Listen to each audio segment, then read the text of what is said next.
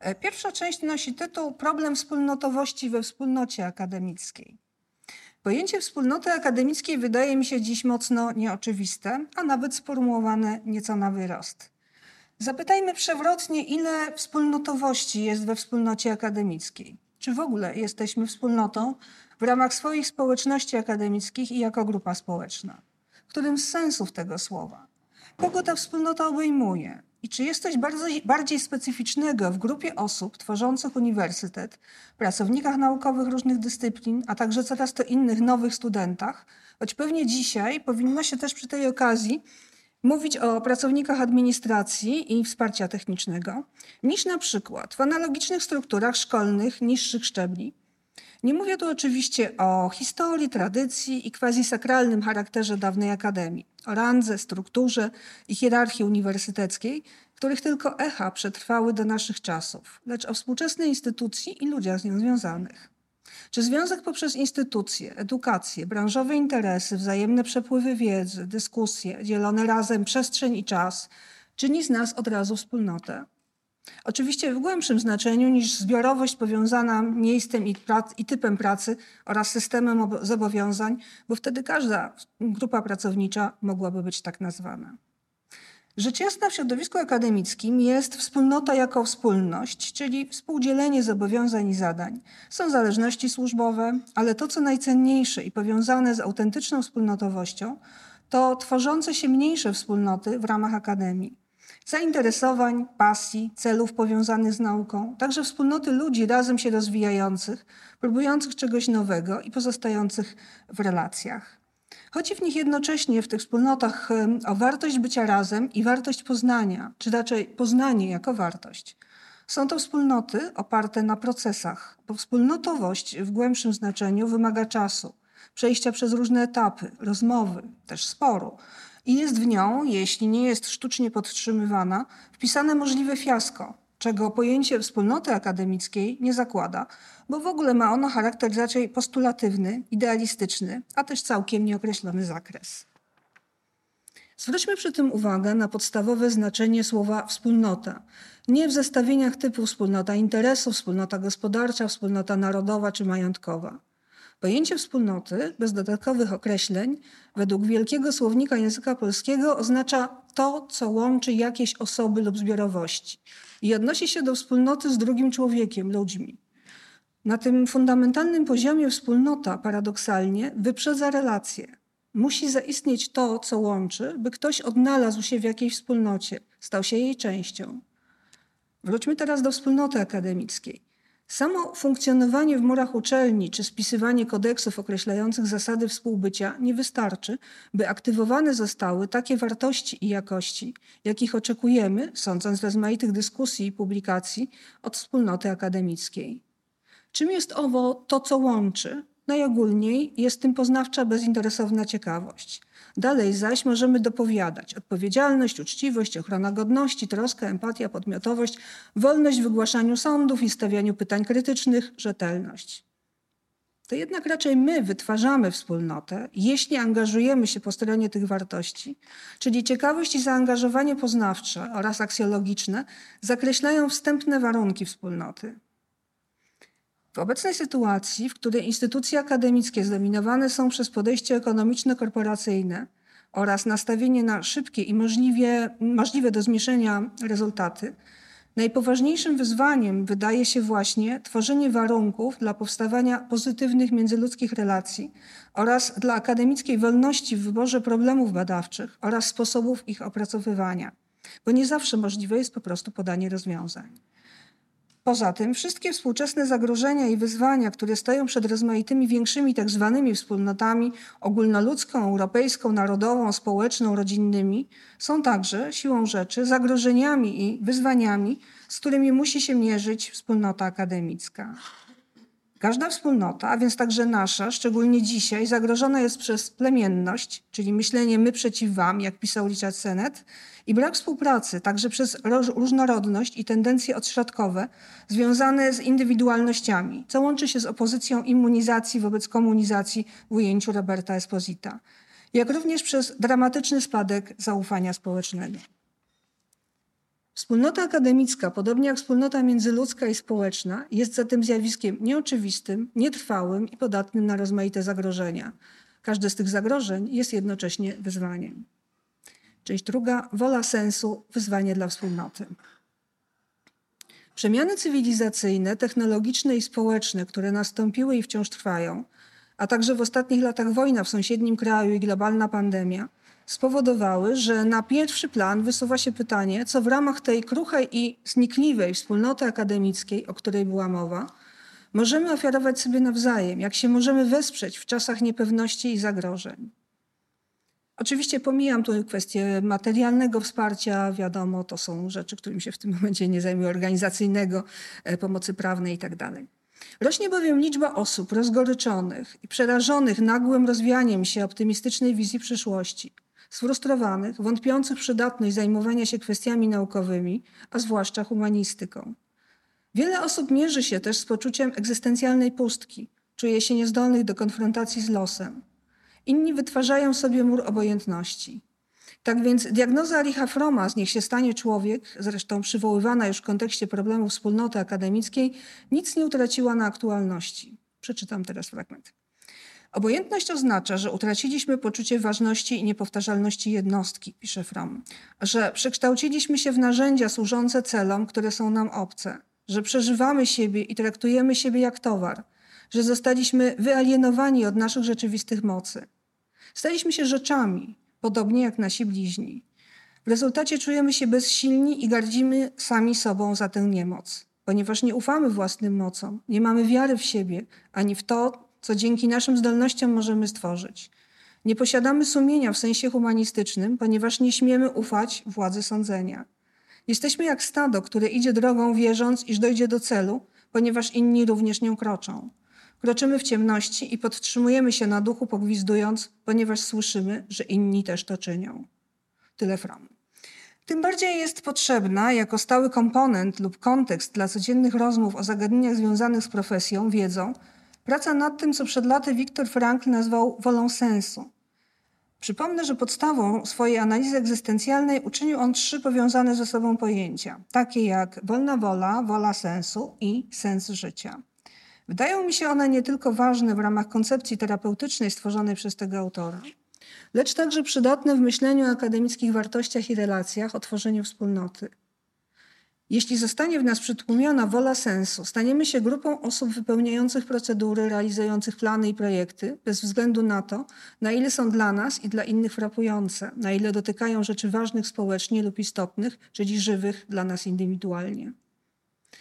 Frank wiązał wolę sensu z istotą człowieczeństwa i wskazywał, że ludzie angażują się chętnie w te działania, dzięki którym mają do wypełnienia coś ważnego, co znajduje się poza nimi. Wtedy pokonują trudności, są zmotywowani. Utrzymywanie sztucznego komfortu, jak pisał, polegającego na unikaniu napięć, odtwórczym działaniu, zapewnianiu sobie spokoju, prowadzi do generowania zastępczych konfliktów lub do frustracji. Jeśli nie skonfrontujemy się z przeciwnym stanowiskiem, z trudnym wyzwaniem, nie uzyskamy lepszego wglądu w siebie, nie będziemy wiedzieli, na co nas stać i co jest dla nas ważne. Niestety część młodych ludzi przychodzi na uniwersytet sformatowana przez wcześniejsze doświadczenia szkolne w sposób, który zakłada z góry myślenie w kategoriach rezultatu końcowego, dyplomu, spełniania oczekiwań, a nie odnajdowania sensu czy wchodzenia w proces wewnętrznego dojrzewania. My także w mniejszym lub większym stopniu jesteśmy sformatowani, oczywiście w cudzysłowie, przez instytucjonalne regulacje, procedury, formularze, parametryzację, zaplanowane ścieżki rozwoju itp. Zaczyna dominować myślenie algorytmiczne, czyli w kategoriach jest, nie ma oraz procedur nieuwzględniających wyjątków i kontekstu, poznawczej pasji lub życiowych trudności. Brakuje czasu na rozwój, możliwość błądzenia, dopowiadania, odwoływania sądów czy zmiany kierunku myślenia zanim myśl dojrzeje jest publikowana i zapominana. Brakuje też myślenia o osobach uprawiających naukę jako osobach właśnie w odniesieniu do ich ludzkiej kondycji. Dopiero pandemia nieco zmieniła ten stan, gdy wzrosło zagrożenie. Coraz mniej jest czasu i miejsca na swobodne dociekania, formowanie agory, na bezinteresowne działania, na wspólne poszukiwania sensu, czegoś sprawiającego wewnętrzną satysfakcję, dającego poczucie robienia rzeczy istotnych dla siebie i innych. Potrzebujemy tę wolę sensu odnajdywać w sobie, przypominać o niej innym, uczynić wartością pożądaną i atrakcyjną, bo bez tego wspólnota akademicka jałowieje lub i zanika. Frank słusznie łączył wolę sensu z wolną wolą. Mówiąc o niej, miał na myśli wolność zajęcia własnej postawy, powiązaną z odpowiedzialnością za to, kim się stajemy. Idea odpowiedzialnego przed samym sobą samokształtowania się, a nie tylko kształcenia i samokształcenia, wydaje mi się bardzo ważna. Bliskie jest to temu, co nazwał profesor Tadeusz Sławek przed kilku laty w swoim wystąpieniu na temat wspólnoty akademickiej mm, emancypacją, czyli samodzielnością myślową. Stoi ona w całkowitej sprzeczności z oczekiwaniem, które czasem można obserwować, że bierna realizacja jakiegoś przepisanego minimum rozwiąże problem uczenia się nauczania czy pozostawania w gronie uczonych. Konformizm przepraszam, i asykuracyjność są zaprzeczeniem zarówno wolnej woli, jak i woli sensu. Wolna wola wiąże się także z odpowiedzialnością za dobór źródeł informacji i rozrywki, które mogą człowieka wzmacniać lub osłabiać w jego działaniach, podejmowaniu wyzwań. Również z koniecznością stałego monitorowania stopnia zagrożenia manipulacją i dezinformacją. Odpowiedzialność za siebie i swoją wolną wolę powinna uwzględniać też świadome konfrontowanie się z prawdami jedynie słusznymi, stereotypami, myśleniem bezwyjątkowym i autorytarnym. Nie wiem, nie wiemy, co będzie w przyszłości, jaka wiedza będzie potrzebna naszym absolwentom, jakich przemian cywilizacyjnych albo dramatycznych zdarzeń możemy być świadkami. Dlatego tak przydatne jest nieustanne przypominanie sobie i studentom o prawie do mówienia tak i do mówienia nie, lecz nie w wyniku potrzeby chwilowej ekspresji czy zbiorowych emocji. Również o tym, że pozostajemy w całożyciowym procesie, w którym formujemy się i jesteśmy formowani przez to, co się przydarza, w którym rozmaite etapy przechodzą i pozostawiają w nas oraz innych ślady, a popełniane błędy nie są ostatnim słowem o nas samych, choć mogą nas drogo kosztować. Także ważne jest umieszczanie siebie w zmiennej historycznej perspektywie, bo to uczy pokory, ale też dystansu do własnych stanów czy aktualnej sytuacji. Ostatnie zagadnienie podejmowane przez Frankla, a pozostające z poprzednimi w ścisłym związku, to sens życia. Według tego autora jest on zadaniem dla osoby, czymś do odnalezienia każdorazowo na nowo w danej sytuacji. Nie jest z góry określony, nie jest też jeden. Rzecz jasna, uniwersytet służy rozwijaniu nauki, poszerzaniu wiedzy, a nie terapeutyzowaniu zbiorowości. A jednak zbyt rzadko, jak się zdaje, zostawiamy dla siebie furtkę na słuchanie się nawzajem i styżanie z doświadczeniem innych. Wzorzec komunikacji merytorycznej, możliwie zobiektywizowanej i opartej na weryfikowalnych dowodach lub logicznych argumentach, nie stoi w sprzeczności z uważnością wobec możliwych zachowań poczucia sensu, zachwiam, przepraszam, poczucia sensu życia u innych. Fala depresji i rozmaitych zaburzeń emocjonalnych, zwłaszcza u młodych ludzi, która przybrała duże rozmiary podczas pandemii i wciąż nie wydaje się opadać, jest dla całej wspólnoty akademickiej bardzo dużym wyzwaniem. Przywołuję nie przez przypadek akurat słowa Frankla, bo jego doświadczenie z obozów koncentracyjnych i utrata bliskich każą inaczej spojrzeć na jego postawę. A to właśnie Frankl używa nieco zapomnianego dziś słowa godność w odniesieniu do człowieka i jego egzystencji. Jest jeszcze inne podejście warte przypomnienia, a mianowicie dobromyślność, o której już tu już wcześniej była mowa, na którą zwrócił uwagę w najnowszej książce Tadeusz Gadacz, akcentując też rangę myślenia. Jak pisze, dlaczego słowo dobromyślność zniknęło z języka? Ponieważ przez cały okres nowożytności systematycznie zamienialiśmy paradygmat bycia na paradygmat posiadania. Przeszkodą dla dobromyślności stała się przeciętność, pragmatyczność, mierzalność i merkantylność myślenia. Koniec cytatu. Wracając do wspólnoty akademickiej i wyzwań przed nią stojących, niezwykle ważnym zadaniem staje się przywrócenie rangi swobodnemu myśleniu i dobromyślności nakierowanej, jak to umuje gadać, na dobro człowieka i całej planety. Zwłaszcza w praktyce szeroko pojmowanych nauk humanistycznych i społecznych, zarówno opowiadanie ludzkich historii, przekazywanie wiedzy o ludzkich losach czy społecznościach, jak i nauka interpretacji tekstu mogą być jednocześnie wchodzeniem w niełatwą sztukę rozumienia egzystencji i odnajdywania sensu życia wobec niepewności ontologicznej i semantycznej, niestabilności związków i całych ekosystemów, konieczności uwzględnienia różnych perspektyw, ideologii i okoliczności. To wszystko nie zależy od instytucji, w której pracujemy, lecz od nas i sposobu wykonywania naszej pracy. Na koniec jeszcze małe wyznanie aksjologicznej wiary, a potem prośba. Otóż wierzę w to, że człowiek może stanowić swego rodzaju jądro kondensacji, jeśli chodzi o wartości, o dobro. Oczywiście o zło niestety też, lecz e, tym się w tym momencie nie zajmuję. Może być takim, jak podpowiada fizyka, niewielkim pyłkiem rzędu jednej tysięcznej milimetra, dzięki któremu dochodzi do kondensacji pary wodnej, powstaje kropla, a z kropel chmura i w końcu deszcz. Przekonują mnie raczej mikrowspólnoty niż wielkie wspólnoty instytucjonalne. Wierzę w możliwość wytwarzania takich ożywczych kropel, a z nich większych całości. Wartość przeciwstawiania się poczuciu niemożności, obcości, obojętności lub pogardy, bo to one są zagrożeniem dla wspólnoty i akademickiej, i ludzkiej, jako czegoś żywego, co łączy ludzi i pozwala im owocnie współdziałać lub i współmyśleć. A teraz prośba.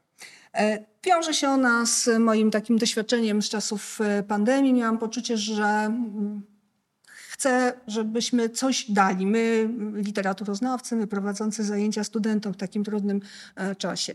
E, I pomyślałam, że no cóż, no nie, nie, niewiele mam możliwości, a jedną z nich jest mm, lista lektur, ale lektur nie obowiązkowych oczywiście, e, tylko takich książek, które mm, niekoniecznie są wielkie, bardzo znane, ale które wspierają w człowieku jego wewnętrzną siłę, które coś ludziom dają.